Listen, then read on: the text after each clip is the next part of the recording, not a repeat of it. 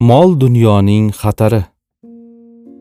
Mol dunyo fitnasi boshqa fitnalar kabi juda xatarli va oxiratda cheksiz azob uqubatlarga duchor etuvchi zararli narsadir. Insonlar mol dunyo fitnasidan ehtiyot bo'lish borasida ogohlantirilganlar. Rivoyatlarda bunday deyilgan. Ogoh bo'ling. Albatta dunyo va undagi narsalar la'natlangandir. Ko'chmas mulklarga yer suvga ega bo'lishga kirishmanglar chunki ular dunyoga rag'batlaringizni ziyodalashtiradi.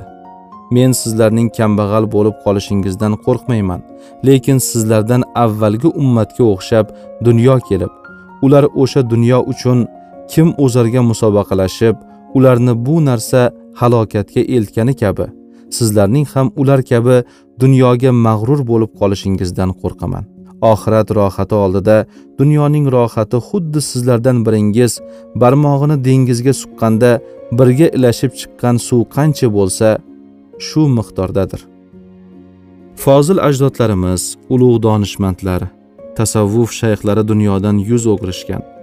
Unga muhabbat qo'yishmagan aksincha hamisha uni qoralab yerga urib o'tishgan. Chunki ular mol mulkning xatarini yaxshi bilishgan.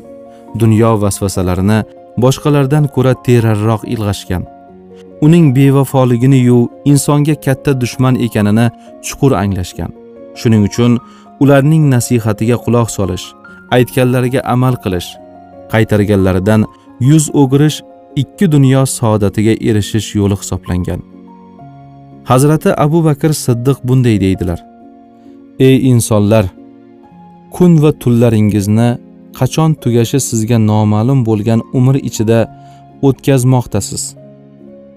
Agar qo'lingizdan kelsa bu hayotingizni solih amallar bilan o'tkazing. Dunyo bilan oxirat ikki oilasi bor kishiga o'xshaydi. Inson birini rozi qilar ekan ikkinchisini ranjitadi. Dunyo mo'minlarning bozori kecha va kunduz sarmoyalari go'zal amallar tijorat mollari jahannam esa zararlaridir. Hazrati umar ibn xattob shunday deydilar. Dunyosini tark etib faqat oxirati uchun amal qilgan odam ham va oxiratini tark etib faqat dunyosi uchun amal qilgan odam ham sizlarning yaxshilaringiz emas balki unisini ham bunisini ham ushlagan odam yaxshilaringizdir. Eng johil inson birovning dunyosi uchun oxiratini sotgan kishidir. Alloh xohlasa bu dunyoda beradi xohlasa oxiratga qoldiradi. Uning dargohidagi ajr mukofotlar tavakkul qilganlar uchun dunyo manfaatlaridan ustunroq va bitmas tuganmasdir. Bu zotning o'g'illari abdulloh ibn umar roziyallohu anhu esa bir bandaga dunyo molidan nima yetsa u saxiy bo'lsa ham Alloh nazdidagi darajasi pasayadi deganlar. Hazrati usmon ibn affon nasihatlariga e'tibor qiling. Dunyoda ekinlar ekib o'rgan baland koshonalar qurgan uzoq vaqt zavqu safo surgan dunyoning o'g'illari do'stlari bugun qayerda? Dunyo ularni yutib yubormadimi? Parvardigor dunyoga ahamiyat bermaganidek siz ham unga berilmang. Oxirat uchun harakat qiling. Siz o'tkinchi bir hayot uyidasiz va umringizning qolgan qismi ham o'tishini kutmoqdasiz. Unutmangki bu dunyo yolg'on va aldov ustiga bino bo'lgan. Hazrati ali ibn abu tolib shunday deganlar. Dunyo hayotida sog'lom odam xastadir. Zavqu safo qurgan kishi oxiri pushaymon bo'lg'usidir faqir odam hazindir. Boy kimsa baloga giriftordir. Moli halolining hisobi bor haromining azobi bor. Shubhali foydalardan ozor topilgusidir. Hazrati ali pulni qo'llariga olib shunday degan ekanlar. Ey pul tuf senga. Sen shunday narsasanki toki inson qo'lidan chiqib ketmaguningcha birorta foydang tegmaydi. Abdulloh ibn masud shunday deganlar. Bir millatda ishonchli kishilar ozaysa dinini sotib dunyo yig'uvchilar ko'paysa u millat orasida fitna bolalaydi. Ham dunyo ham oxirat uchun harakat qilmagan odamni xushlamayman sumayd ibn ojlon pul munofiqlarning tizgini ular otashdan qochmoqchi bo'lib turganlarida pul tizgin bo'lib turadi deydi. Pul chayondir. Agar halolidan topmasang va o'rnida ishlatmasang yaqinlasha ko'rma chunki u chaqsa zahri seni halok qiladi. Dunyo shaytonning do'konidir. Undan biror narsa o'g'irlamaki shayton uni olishga kelib sening dodingni bermasin deydi yahyo ibn mos yana shu kishining mana bunday fikrlari ham bor. Eh bizlar bu dunyoda faqir va bechora hol bo'lishdan qo'rqamiz. Ammo oxiratda faqir nochor va rasvoyi jahon bo'lishdan qo'rqmaymiz. Holbuki biz bandalarning yaxshi amallarga faqir bo'lishimiz bu dunyodagi kambag'alligimiz va nochorligimizdan qo'rqinchliroq va uyatliroqdir. Mashhur shayx fuzayl ibn iyoz bunday degan dunyo hayotining mas'uliyatsiz iflos va g'ayri axloqiy yo'rig'iga kirish oson lekin chiqish qiyin. Dunyoda hech bir narsa yo'qki sendan ilgari uning egasi bo'lmagan bo'lsin va yana hech narsa yo'qki sendan keyin egasi bo'lmasin. Dunyo molining sarmoyasi havoyi nafsdir topgani esa jahannam otashidir. Agar dunyo halol bo'lsa ham va oxiratda hisob so'ralmasa ham bordiyu menga berilsa siz najosatdan qanday jirkansangiz men ham dunyodan shunday jirkanar edim. Yomonlikning hammasi bir uyda bo'lsa uning kaliti dunyoni sevishdir. Yaxshilikning hammasi bir uyda bo'lsa uning kaliti dunyoni tark qilishdir. Abu lay samarqandiy shunday deydilar. Oqil kishi dunyodagi rizqiga rozi bo'ladi va mol to'plashga mashg'ul bo'lmaydi. Oxirat amallari bilan shug'ullanadi chunki oxirat qaror topish va ne'matlar uyidir. Dunyo foniylik uyi u xiyonatkor fitnakordir. Zahhok aytadi alloh taolo odam bilan havvoni yerga tushirganida ular dunyo hidini topishdi va jannat bo'yini yo'qotishdi. Ikkovlarini qirq kun dunyoning badbo'y isi chulg'ab oldi hikoya qilinishicha bir arobiy sahroyi odam sahroda qo'ngan bir qabilaning chodiriga mehmon bo'libdi. Uni yedirishibdi ichirishibdi uyquga joy tayyorlab berishibdi. Tong otganida qabila yo'lga chiqishi kerak ekan. Ular arobiyni uyg'otishga ko'zlari qiymabdi va uning ustidan chodirni yig'ishtirib olib jo'nab ketishibdi. Ko'ziga quyosh nuri tushib uyg'ongan arobiy bo'lgan voqeaga shunday baho bergan ekan. Dunyo hayoti qurgan chodiringning soyasiga o'xshaydi. Bir kuni kelib sening soyang ham zoyil bo'lishi turgan gap ey dunyo. Ulug' hakim va faylasuf olim abu ali ibn sinoning dunyo haqida mana bunday fikrlari bor. Mol dunyoying seni aldamasin. Chunki asragan mol dunyoying boshqalarniki bo'ladi. Ularni sarf eta olsang ana shunisi senikidir. Kundalik rizq uchun ko'p qayg'uraverma. Shu bilan birga mol orttiraman deb o'zingni ko'p qiynayverma. Chunki har kim nasibasidan ortiq bitta ham don yeya olmaydi. Boylikni topishadi-yu aql idrokni yo'qotishadi. Ajabo topgan narsalari bilan yo'qotgan narsalarining bahosi bir xilmidi. Dunyo podshohlar kelinchagi va zohidlar ko'zgusidir. Podshohlar u bilan maqtanishadi. Zohidlar bu ko'zgudagi ofatlarni ko'rib burilib ketishadi deydi muhammad ibn ali. Dunyo ilon. Ilonbozdir dunyo qidirgan. Ilonbozdan qasdin olur ilon oqibat deydi ulug' fors tojik shoiri abu abdulloh rudakiy shuning uchun turkiyalik atoqli shayx muhammad nurulloh saydo jazariy dunyoning ichiga kir sayr qil ammo ehtiyot bo'l dunyo sening ichingga kirmasin deya ogohlantiradi. Abdurazzoq samarqandiy deydiki bu dunyo va uning moliga ko'ngil qo'ymagin chunki hech bir kishi undan vafo ko'rmagan. Boylikka hirs qo'yish joduning sirtmog'iga tushish bilan barobardir deydi qozi ahmad g'afforiy. Ahmad yugnakiyning mana bu nasihatiga bir quloq soling. Mol dunyoyim ko'p deb kibrlanmagin. Mol dunyoning foydasi nimaga arziydi? O'lganda yalang'och ketasan. Hamyoning to'rvang boylik to'la sandig'ing bari qolib ketadi. Dunyoni yamadik yirtib olib dinimizdan. Din ham ketdi dunyo ham ketdi qo'limizdan deya fig'on chekdi ulug' shayx ibrohim adham. Yana bir tasavvuf shayxi va ulug' olim hasan basriy dunyo kezib oxiratni topganini ko'rmadik lekin oxiratini qidirib dunyosini topganlarni ko'rdik. Allohga ont ichib aytamanki pul aziz qilgan har insonni olloh xor aylagay deydi afsuslanib. Shu zotning aytishicha odamzod bu dunyodan ko'char ekan uch narsaga afsuslanadi. To'plagan moli va boyligi bilan to'ymaydi orzulariga erisholmaydi. Oxirat uchun hozirligini qilolmaydi. Bas dunyo va dunyo hayotidan bahslashib uni yomonlamang.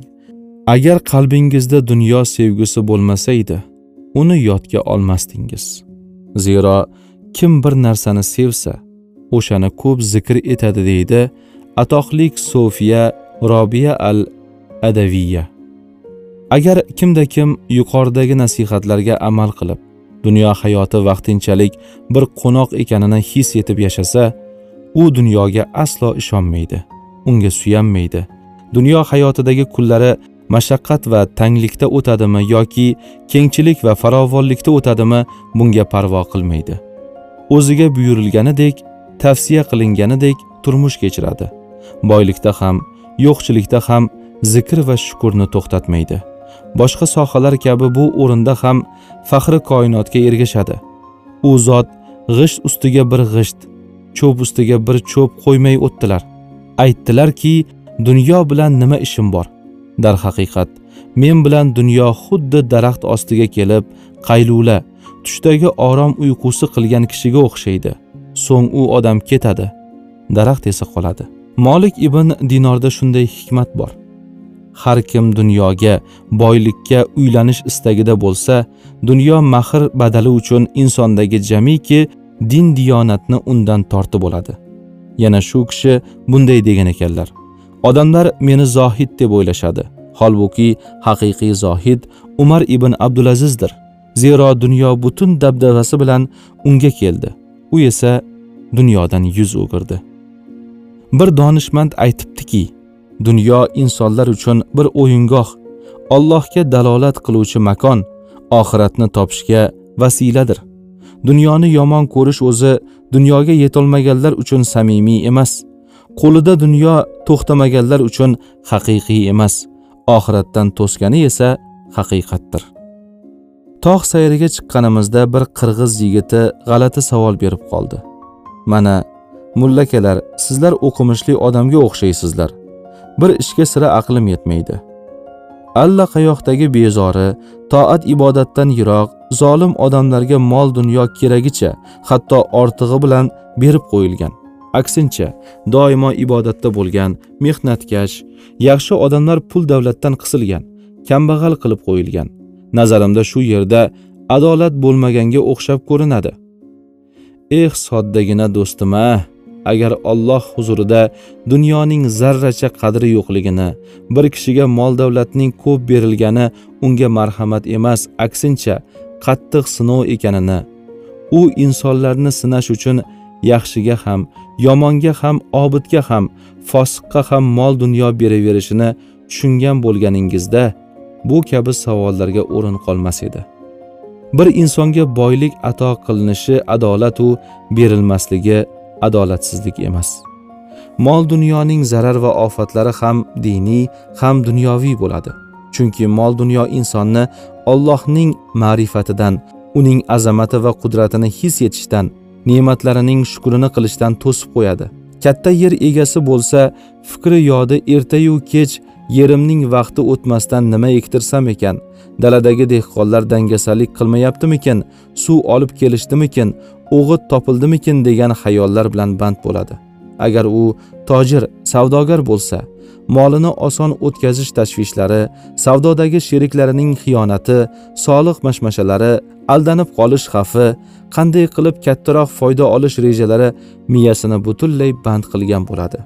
Davlatmandlar uchun boyligini asrab qolishning o'zi katta muammo. Eshiklarga qo'sha qo'sha qulflar osilgan derazalarga bilakday simlardan panjaralar o'rnatilgan devorlar baland qilinib tepasiga tikanli sim tortilgan va unga elektr toki yurg'izilgan. Bular ham taskin bermay chinqiroq qo'ng'iroqlar ya'ni signalizatsiya o'rnatilgan. Buning ustiga kuzatuv kameralari ham qo'yilgan. Bu ham kamlik qilganidan hovliga bo'ribosar itlar bog'langan. Bu ham yetmagandek yostiq tagiga pichoq cho'qmor kabi qurollar yashirilgan. Donishmandlar aytganidek ilm o'z sohibini himoya qiladi. Mol davlatni esa egasi bir umr qo'riqlab o'tishga mahkum. Boylik dunyo kimgadir qalb xotirjamligi saxovat va muruvvat orqali ulkan ajr mukofotga erishish eshiklarini ochib bersa kimnidir buzuqliklar aysh ishratlar kuch qudrat va nihoyat isyonu osiylik botqog'iga otadi.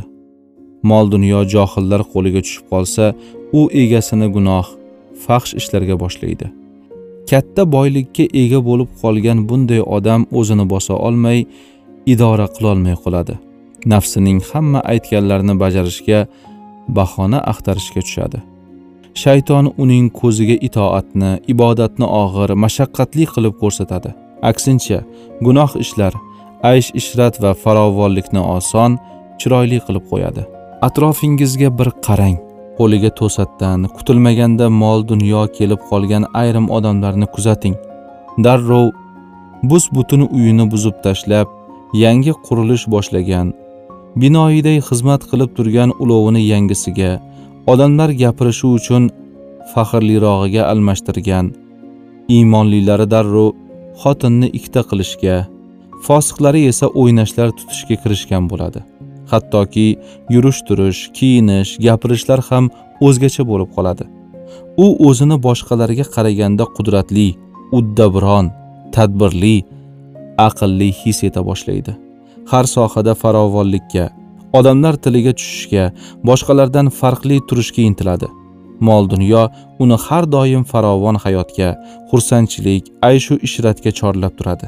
Chunki xursandchilik farovonlik fitnasi xafachilik yo'qchilik fitnasidan kattaroq va xatarliroqdir. U bora bora bunday hayotdan uzilgisi kelmay qoladi. Nima qilib bo'lsa ham shunday hayotning bardavom bo'lishini istaydi.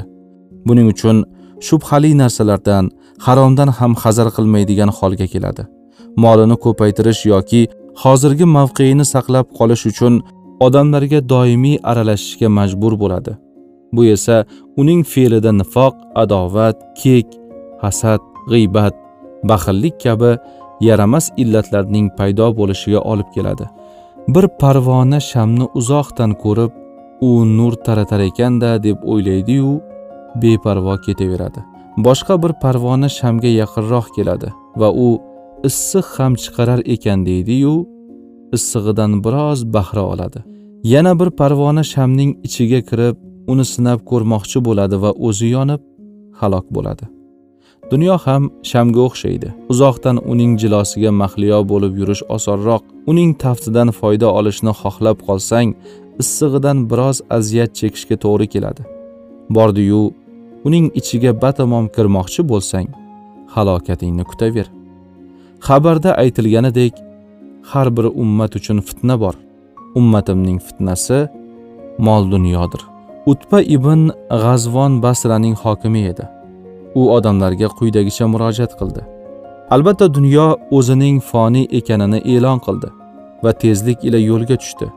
Unda biror qiziqarli narsa qolmadi. Faqatgina idish tagida qoluvchi sarqit kabi bir narsa qoldiki uni egasi qo'lga kiritib jamlaydi. Albatta sizlar bir diyorga ko'chasizlarki u yerda zavollik yo'q. Sizlar o'zingizdagi bor narsaning yaxshisi ila u yerga ko'chinglar. Bizga xabar berildiki agar jahannam qirg'og'idan bir tosh uloqtirilsa u yetmish yilda ham qa'riga yetmaydi. Qasamki mana shu jahannam to'ldiriladi. Sizlar bu aytilgan so'zlardan ajablanyapsizlarmi? Va yana xabar berildiki jannatning ikki eshigining orasi qirq yillik yo'ldir. Shunday kun keladiki odamlar izdihom bo'lganidan u yer ham to'lib ketadi. Men nabiy bilan birga iymon keltirganlarning yettinchisidirman. Ovqatlanishimiz uchun daraxt bargidan boshqa narsa yo'q edi. Biz uni yeyaverganimizdan og'izlarimizning atrofi shilinib ketar edi. Bir kuni men ustki kiyim topib oldim. Uni o'rtasidan bo'lib sad ibn molikka berdim. Yarmini o'zimga ishton qilib oldim. Saat ham o'ziga tekkan yarmini ishton qilib oldi. O'sha paytdagilarning barchalari bugun bir shaharga amirdir. Men esa olloh huzurida kichik bo'la turib o'zimni yuqori sanashdan olloh nomi ila panoh tilayman.